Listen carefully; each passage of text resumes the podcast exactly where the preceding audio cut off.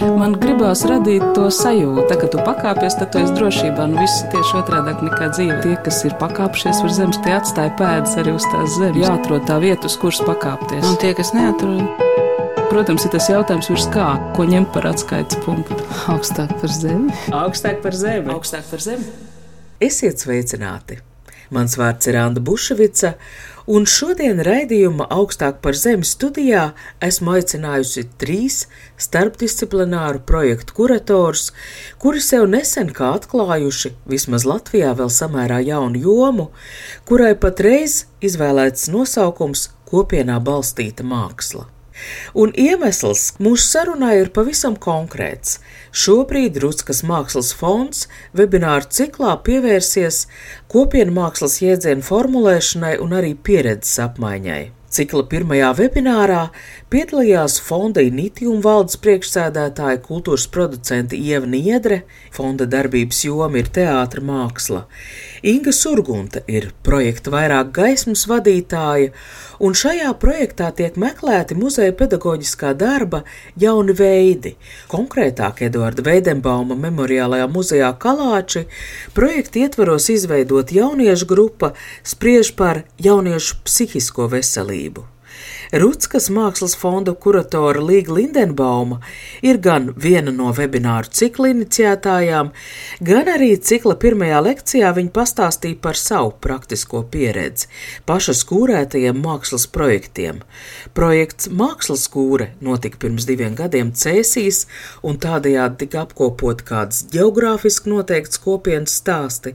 Savukārt pirms gada notikušais projekts Neredzamās dzīves uzrunāja sadarbībai sociālu kopienu, cēsīs mītošos vairedzīgos, neredzīgos cilvēkus. Paldies, Anna, ka esi mūs uzaicinājusi šeit eh, studijā. Es varu stāstīt par eh, projektu, ko es veidoju kopā ar saviem kolēģiem Rutskā Cēsīs. Mūsu projektam ir šobrīd tāds darba nosaukums kopienu mākslas projekts. Gala fināla nosaukums mums vēl tikai taps. Paralēli webināram šobrīd notiek arī mākslinieku rezidence. Rutskā dzīvo, uzturās eh, seši mākslinieki. Katrs mākslinieks strādā ar citu kopienu. Cēsīs, un tās kopienas ir ārkārtīgi dažādas. Tās ir uh, senioru kopiena, tur ir uh, vājredzīgo biedrības kopiena, tur ir cilvēki no dienas centra Pērle, kur dodas cilvēki ar fiziskiem un garīgi raksturu traucējumiem. Tie ir arī gan cēsu aktīvie jaunieši, gan jaunieši no cēsu pāraudzināšanas iestādes. Tās kopienas ir ārkārtīgi dažādas. Savukārt šis webinārs sākotnēji tika plānots kā atbalsta punkts mūsu māksliniekiem, lai viņi varētu strādāt ar savām kopienām, saprast kopienu mākslas jēdzienus un iegūt tādu tā kā know-how, kā to darīt. Bet tad ar otru kuratoru Oskaru Gobu mēs sapratām, ka būtu nepietiekami, ja mēs šos stāstus, lekcijas paturētu tikai pie sevis, tādēļ mēs to izveidojam webināru formātā. Un, un tas lielais mērķis tālāk jau ir tas, kas stāstīt eh, sabiedrībai par to, kas ir kopienu māksla, arī par to, kādi kopienu mākslas projekti vispār mums Latvijā ir tapuši, jo, lai gan viņu nav daudz, bet viņu ir iespējams arī veidot tādu kopīgu izpratni, plašāku izpratni par kopienu mākslas nozīmi un aktualitāti. Webināru plānu var izmantot arī kā ceļvedi, uzzinot, kādi tad kopienu mākslas projekti Latvijā jau ir notikuši. 25. aprīlī webinārā Anda Lācija iepazīstināja ar Sansusī labklājības rezidents veikumu. 2. mājā Laura Stašāna Krista Burāna stāstīs par sociālu jautājumu risināšanu, izmantojot kopienu mākslu. Latvijas laikmetīgās mākslas centrs vairāk kārt izmantojas kopienu zināšanas mākslas projektu radīšanai, un 10. māja webinārā par to stāstīs Māra Žeikare.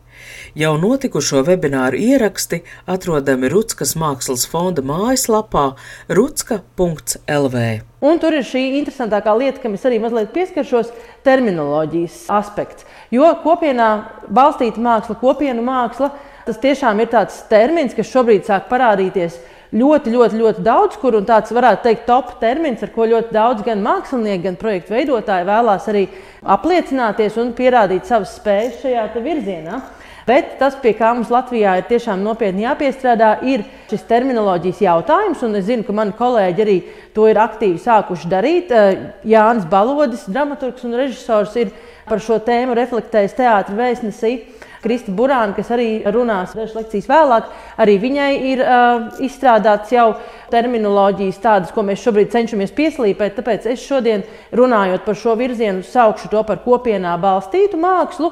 Un to mēs raksturot šādi, ka kopienā balstīta māksla ir mākslinieciska darbība, kuras pamatā ir kādas konkrētas sociāla vai geogrāfiska kopiena, un to raksturo miedarbība vai dialogs ar kopienu. Un tās tapšanā parasti ir iesaistīts profesionāls mākslinieks vai mākslinieku grupa, kas darbojas ar cilvēkiem, kuri iespējams citādi vispār nebūtu iesaistījušies mākslas jaunradas procesā. Šis bija fragments no cikla pirmā webināra Ievas Niedras stāstījuma. Sveiki visiem! Es esmu Ieva un es pārstāvu fondu Inītijumu. Man bija tiešām liels prieks arī būt daļai no šī Rutskas webināru cikla. Tas bija ļoti interesanti vispār reflektēt par šo tēmu kopumā, jo Latvijā šobrīd ir diezgan grūti ar terminoloģiju, tad mēs arī meklējam ar kolēģiem un speciālistiem un ekspertiem kopā tos veidus, kā to visu darbības lauku nosaukt. Jo ārzemēs eh, ir jēdziens applied arts, applied theatre, applied arī citu veidu mākslas, bet uh, latviešu šis jēdziens lietišķā māksla ir jau ieguvis citu skanējumu laikmeta gaitā. Tas nozīmē, ka mēs šobrīd mēģinām atrast tādus spēcīgākos, pareizākos, labākos terminus, kā tad runāt par šīm lietām. Un šobrīd, nu, teātris kontekstā mēs uh, esam nonākuši pie tāda secinājuma, ka tā varētu būt kopienās balstīta māksla profesionāls mākslas darbs ir rezultāts šim visam procesam.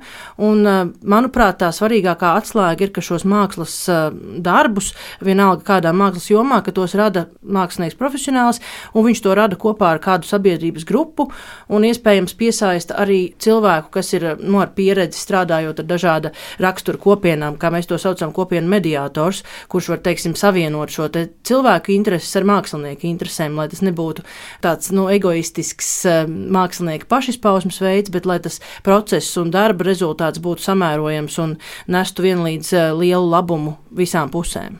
Laikam būs daļrunīgāk, ja jūs ar konkrētiem piemēriem, kāds projekts eh, Fonds Initium ir veicis un nu, kas tieši bija tur varbūt problēma, tas, kas bija jāizdara. Jā, nu mēs sākām strādāt ar kopienās balstītu mākslu 2018. gadā, kad Latvijas valsts svinēja savu simtgadi. Tas bija projekts sadarbībā ar Kultūras ministriju un dažādām pašvaldībām un organizācijām, kura ietvaros mēs šo metodiku atvedām uz Latviju un kopā ar dažādiem ekspertiem no visas pasaules izveidojām meistarklašu ciklu, kur simts speciālisti, simts cilvēki, kas bija saistīti ar mākslas menedžmentu, ar, ar skatuves mākslu, ar izglītības sfēru apguva šīs metodikas. Un apgūstot šīs metodikas, pēc tam jau šie cilvēki devās pie konkrētām kopienām, sociālām vai geogrāfiskām, un sāk radīt teātra darbus. Šis projekts saucās Latvijas stāsts Šekspīrs satiek Blaumani, un tā ietvaros mums tapa vairāk kā desmit izrādes visā Latvijā un 12 meistarklašu sērijas. Un tagad jau mēs esam to visu sadarbību attīstījuši tālāk, un mums projekts ir attīstījies Baltijas mērogā. Mums ir Baltijas kopienas teātris skola, kur mēs strādājam visās Baltijas valstīs, un šobrīd Latvijā nu, tādi pēdējie projekti mums ir bijis um, izrāde sataka ar Pededzes kopienu. Pededze ir neliels ciems pie Krievijas un Igaunijas robežas. Mēs tur kopā ar vietējo sabiedrību gan svinējām viņu brīnišķīgo kāzu tradīciju, kur saplūst kopā ļoti dažādu kultūru kodi. Un uh, risinājām arī vai palīdzējām kā, nu, akcentēt problēmu jautājumu, kas bija šai kopienai saistīts ar viņu pamatskolas slēgšanu. No video par izrādes satek tapšanu. Manuprāt, tā bija ļoti forša iespēja lietot šos LED stieņus. Tā bija tāda sajūta, it kā tu būtu zvaigžņu karo filmā. Protams, ka ir svarīgi, jo jebkura mākslas forma ir komunikācija, un cilvēki ir sociāls būtnes, kuriem vajag komunicēt. Un māksla ir viena no skaistākajiem komunikācijas veidiem. Kaut ko izdevās paveikt? Nu, tādā nozīmē, ka skola netika slēgta, piemēram. Skola, tā kā mēs projektu uzsākām Covid laikā, skola jau tāpa aizslēgta, bet eh, nu, caur šo te iestudējumu mēs pirmkārt palīdzējām eh, cilvēkiem nu, rast veidu, kā par to runāt. Mēs to arī varējām aktualizēt sabiedrībā, ka šī ir lieta, kas ir ne tikai varbūt šim ciemam eh, nozīmīga, bet vispār Latvijā kopumā kopumā liela problēma, ar ko saskarās mazu ciemu un mazpilsētu iedzīvotāji. Un, protams, ka kopienu māksla un kopienu teātris neatrisina problēmu vienā dienā, vienā brīdī.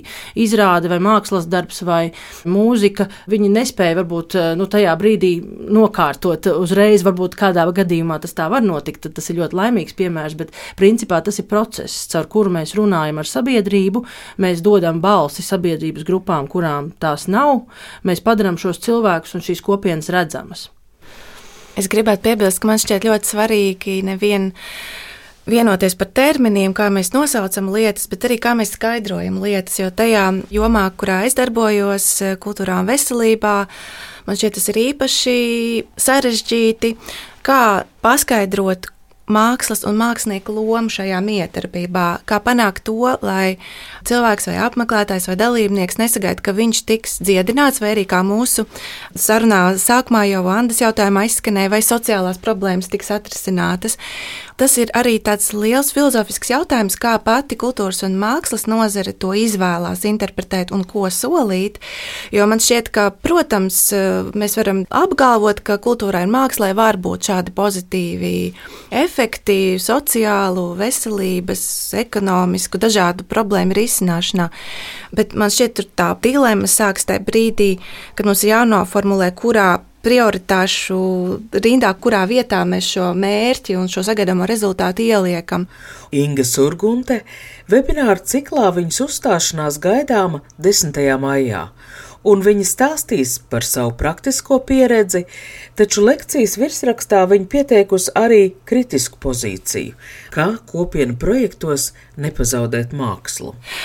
Man pašu praktiski ļoti interesē kultūras attiecības ar veselības jomu, kultūras iespējas, varbūt ne gluži risināt veselības problēmas, bet kaut kādā ziņā atbalstīt iedzīvotājus, cilvēkus, viņu centienos pēc stiprākas garīgās un fiziskās veselības. Un šajā sakrā man ir tāds ļoti patīkams darbs Kalāčos Vēdenbauma muzejā vadīt projektu vairāk gaismas, kur galvenais fokus ir mentālā veselība un jaunieši.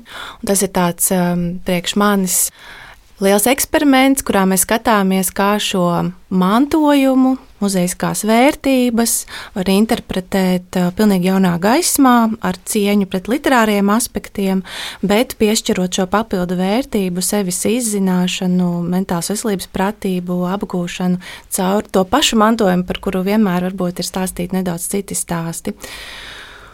Un izējot no tā, man ir arī nedaudz plašāk, varbūt pētnieciski interese arī par šo starp nozaru sadarbību, tātad starp kultūru un veselību. Jā, kopiena šajā kontekstā ir varbūt vēl netveramāks jēdziens, jo tās ir iespējams arī tās ļoti īslaicīgas kopienas, kas satiekās tikai šajos projektos un ir varbūt viņu kopība vairāk ir izteikti ne geogrāfiskā, ne sociālā, bet varbūt tikai tādā interešu ziņā. Man ir liela kaislība pret šo tēmu. Man ļoti gribās to izmēģināt. Man šķiet, ka man personīgi arī profesionāli tas ir devis ļoti daudz, ko ieraugot šo citu kultūras aspektu, citu misiju. Reizē šī webināra kontekstā es esmu uzaicināta pārstāvēt arī kritisko pusi, kas arī man nav sveša, jo man šķiet, ka problēma šajā jaunajā teikt, trendā arī netrūkst. Mēs redzam, ka šis eh, jau kļūst par tādu politisku pasūtījumu. Mēs redzam lielos Eiropas politiku plānošanas dokumentos jau iestrādāt šo virzību kultūrai, uz sociālo kohēziju, uz, uz veselību, labbūtību, ilgspēju. Tas viss ir ļoti labi, bet man šķiet, ka tas lielā mērā arī savažo kultūru, ejot šajās sadarbībās un liek mm, uz dažādiem kompromisiem parakstīties. Jā, tātad mana interese ir abējāda. Gan testēt un eksperimentēt ar šo darbības veidu, gan arī turēt acis vaļā.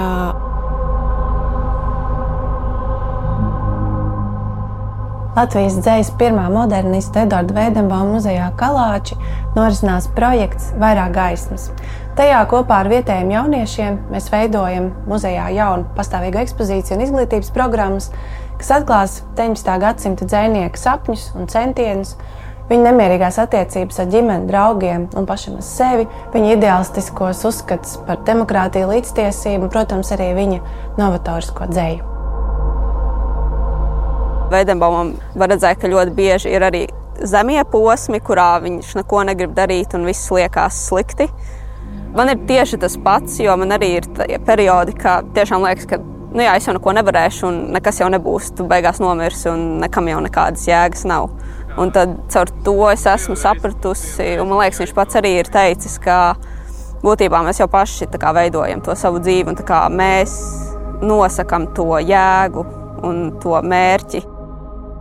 Un tas, kas man dara bažīgu, ir tas, ka varbūt tā pārsteidzīgi dažkārt mēs redzam kultūras mākslas projektos ar šādu ievirs, ka viņi sola, ka, ka viņi to visu risinās un būs šie milzīgie efekti, un paši nu, tādi iekšēji autentiskie mākslas procesi, mākslas mērķi kaut kur vispār vai nu apakšā nobirst vai vispār pazūd.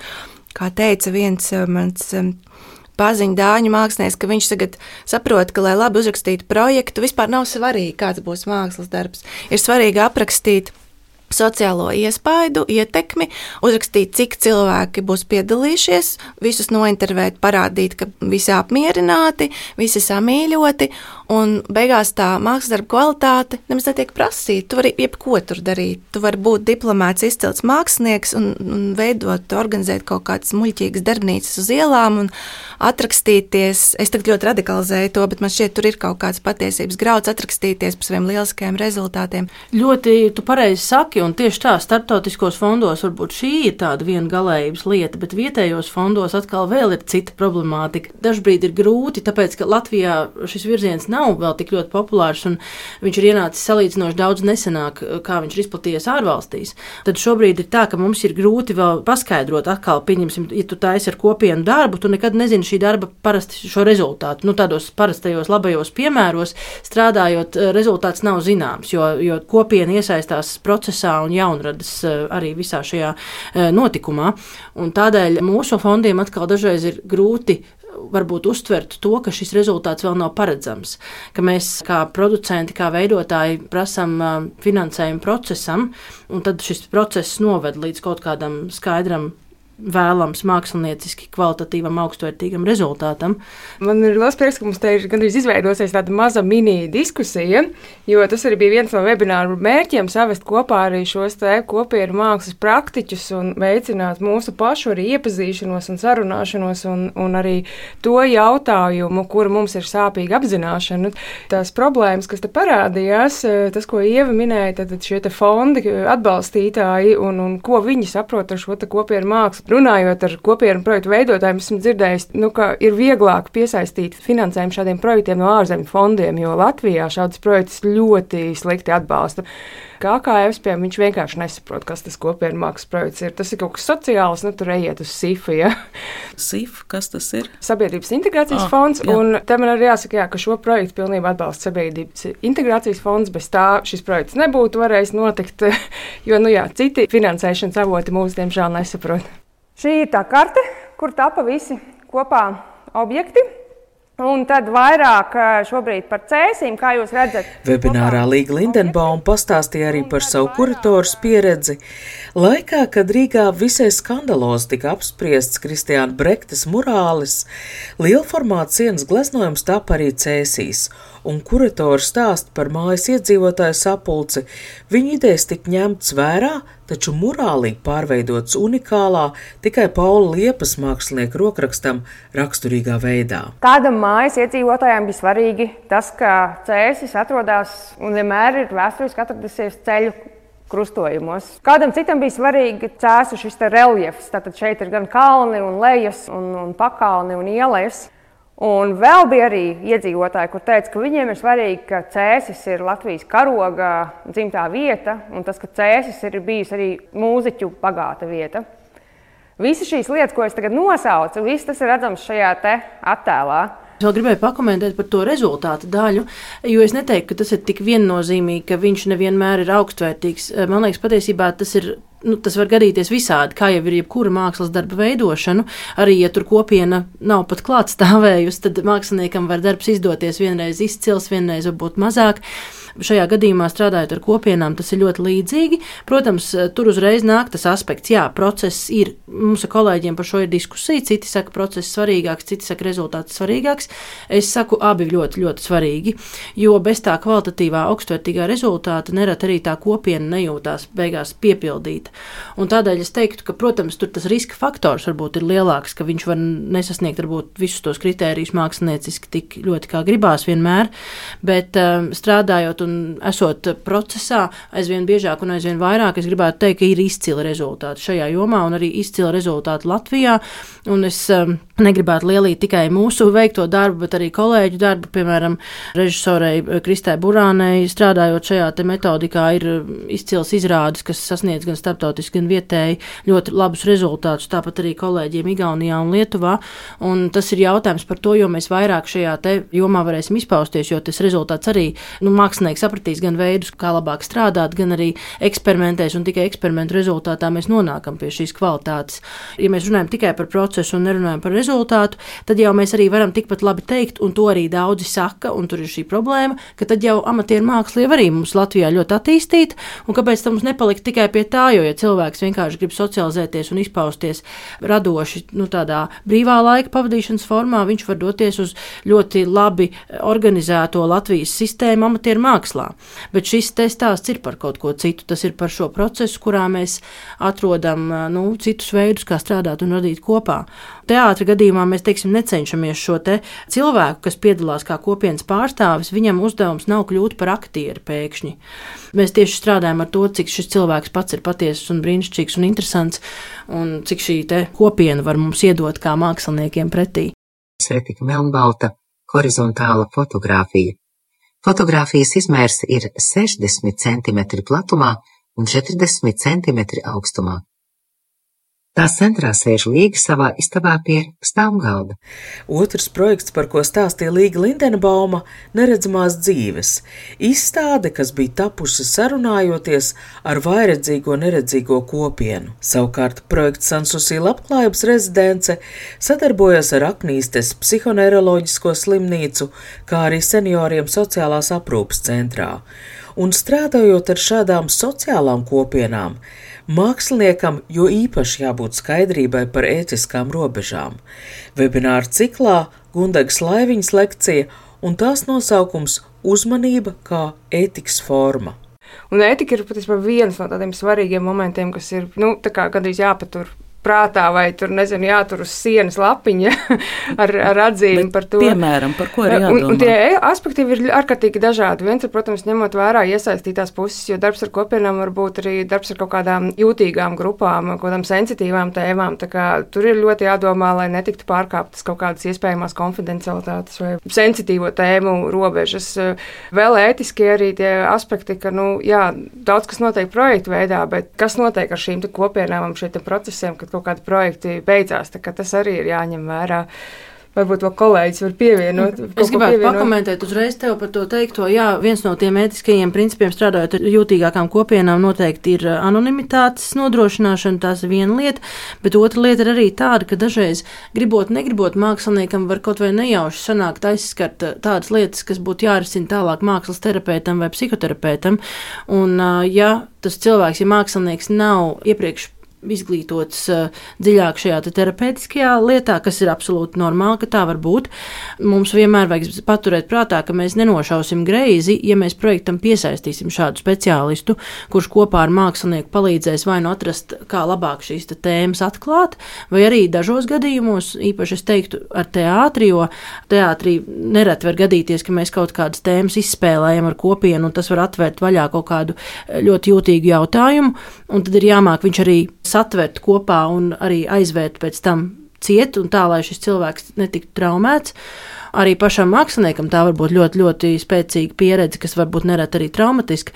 Tāpēc es labāk ieteiktu, ja ir kaut vai nelielākās aizdomas, ka mums šis darbs būs ar sociāli jūtīgu grupu, labāk ieplānojam projektā mākslas terapeitu vai psihoterapeitu klātbūtni, un tas vienmēr atvieglos šo procesu visiem. Varbūt tāds ētiski juridisks jautājums ir arī kam pieder autortiesības uz tapušo darbu, kas tiek arī ļoti dažādi interpretēti šajos projektos, un par ko būtu jābūt vienošanās sākumā, lai nebūtu kādas liekas asaras.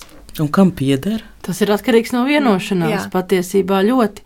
Un arī no tā, kas ir iniciators. Un, jo tur tie gadījumi var būt ļoti dažādi. Un man, piemēram, gribās teikt, jā, sākumā, kad mēs sākām strādāt, parasti tā iniciatīva nāca no mūsu puses vai no mākslinieka puses. Bet tagad jau, kad uh, ir paveikts un ir Latvijā uztaisīti daudz iestudējumi, tad jau arī pašvaldības sāk interesēties un sāk gribēt pie sevis kaut ko tādu redzēt.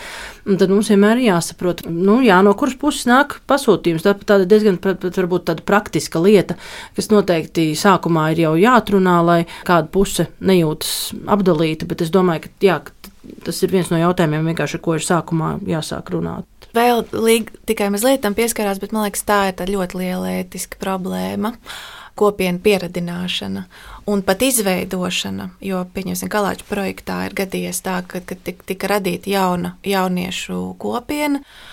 Protams, ka tas rada tādas nu, paliekošas un ilgas attiecības muzeja un jauniešu starpā. Un tad, kad beidzas finansējums un vairs nav naudas aktivitātēm, transportam un visam, kas ir nepieciešams, lai šis noris notiktu, tad paliek tikai jautājums, ko tālāk, ko darīt ar šiem cilvēkiem, kurus tu esi patvaļīgi savācis, pieradinājis, ierādījis draudzību, principā nodibinājis. Un tā kā tas ir ļoti, ļoti saistīts šis jautājums ne tikai ar labo sirds gribu, bet arī ar naudu, tas ir ļoti grūti atbildams. Jā, es pilnīgi piekrītu. Un tur ir tā lieta, ka mēs to nevaram arī apsolīt. Tas ir vēl viena lieta, ko mēs sarunas sākumā runājām, vai ne par to apsolījumu projektā. Mēs nevienam nevaram apsolīt, ka mēs tagad ar jums gadu desmitiem strādāsim, bet tas, ko mēs varam izdarīt, un es to cenšos parasti arī savos projektos iekļaut, ka mums ir strādājot, teiksim, ar kādām, nu, īpaši, pieņemsim, geogrāfiskām kopienām, tad mēs atrodam šo cilvēku kurš kļūst par kaut kādā ziņā mediātoru palīgu, kurš ir šī tiešā saikne. Un tad mēs cenšamies atrast jau grupā kādu, kas varētu gribēt nākotnē pārņemt. Un mūsu ceļš ir tāds, ka mēs parasti piedāvājam iespēju nākt un mācīties šīs lietas tiem cilvēkiem, kam ir interese, lai viņi tālāk var strādāt ar savām grupām jau uz vietas. Bet, protams, tas atkal nu, tas nenozīmē, ka tas viennozīmīgi piepildīsies, bet ir jāmeklē risinājums, jo mēs esam atbildīgi par to. Ļoti labi, paldies. Un eh, tad Cēlā universitātes jautājums par to, ja ir kopienā balstīta māksla, kāda ir mākslā balstīta kopiena. Tev bija vismaz iespēja šo varbūt ilgāk apcerēt. mākslā balstīta kopiena. Nu, es teiktu, ka katru reizi, kad mēs šeit esam strādājuši ar rezidencēm, šeit Rutskā ir sabraukuši kādi rezidenču mākslinieki. Es teiktu, ka tad jau mēs vienmēr esam veidojuši kaut kādu savu nelielu kopienu. Tā māksla ir tas iemesls, kādēļ tā kopiena veidojās. Jo, ja mēs domājam par kopienu vispār kā tādu, kopiena var būt jebkas, jeb, jebkura cilvēka grupa. Galvenais ir tas, ka viņi vieno kaut kādi mērķi vai, vai teritorija, vieta, ka tur ir jābūt kādam no tiem elementiem. Raidījuma sākumā Līga Lindenbauma jau ieskicēja kopējā projekta aprises, webināru cikls, kas iepazīstināja ar dažādiem kopienā balstītas mākslas piemēriem, tika rīkots vispirmām kārtām lai atbalstītu Rutskas mākslas rezidenču centrā šobrīd strādājošos māksliniekus - Alekseju Beļecki, Alberto Digennāro, Henriju Laķi, Lieni Matskus, Vivianu Mariju Staņislavsku un Ervīnu Vārdi, kuru sadarbībā ar kopienām tapušie darbi šovasar būs skatāmi Rutskā. Ar Ievu Niedri, Ingu Surgunta, Līgu Lindenbaumu šajā rētījumā sarunājās Anna Buševica. Par rētījumu skaņu gādāja Valdes Raitums. Es mēģināšu varbūt skaļi līdzdomāt. Es vēl joprojām kavējos pie tā paša termina kopiena māksla. Jo uzklausot jūsu piemērus, man likās, kopiena ir labs vārds, jo tur ir tas kopības gars iekšā. Man šķiet, ka tā ir tiesa, un tādēļ arī mēs jau pa kāpnēm kāpjot, jau runājām par to, kas ir kopiena. Un tas ir tik, arī tāds trendīgs vārds. Tās ir gan geogrāfiski, gan sociāli, gan interešu, gan nu, varbūt ļoti dažādi kopienu veidi. Un, teiksim, tajā kultūras un veselības jomā šis kopienas termins, community, vispār tiek lietots tiešām vairāk tādā kopības izpratnē, jo nu, cilvēku labbūtības un laimes pētījumi rāda, ka mēs vislaimīgākie esam nevis esot bagāti ar labām karjerām un ietekmi un īpašumiem, bet esot jēgpilnās, tuvās attiecībās ar līdzcilvēkiem. Bieži vien var novērot, ka šo sabiedrību vai kaut kāds mikrokopienas iesaistošo projektu iespējas un pozitīvais efekts ir tieši tajā, ka tie cilvēki, kas tajā ir satikušies, ir atraduši to sajūtu par to kopību ar līdzcilvēkiem, un caur to ir gan tā personiski dziedinājušies nu, ne tādā medicīniskā izpratnē, bet uzlabojuši to savu mentālo veselību un labklājību, gan arī sociāli atraduši kaut kādas jaunas komunikācijas un kopā dzīvošanas veidus. Bet tas ir tiešām tas kopības un socializēšanās fenomens, kas īstenībā mūsu individuālajai un sabiedrības veselīgai eksistencei ļoti, ļoti svarīgs. Tā kā tu pakāpies, tad tu esi drošībā. Nu, viss ir tieši otrādi nekā dzīve. Tas ir tā spēle, jā. Tie, kas ir pakāpšies virs zemes, tie atstāja pēdas arī uz tās zemes. Protams, ir tas jautājums, ko ņemt par atskaites punktu. Nu, principā ir skaidrs, augstāk par zemi. Jāatrod tā vieta, uz kuras pakāpties. Augstāk par zemi. Augstāk par zemi. Augstāk par zemi.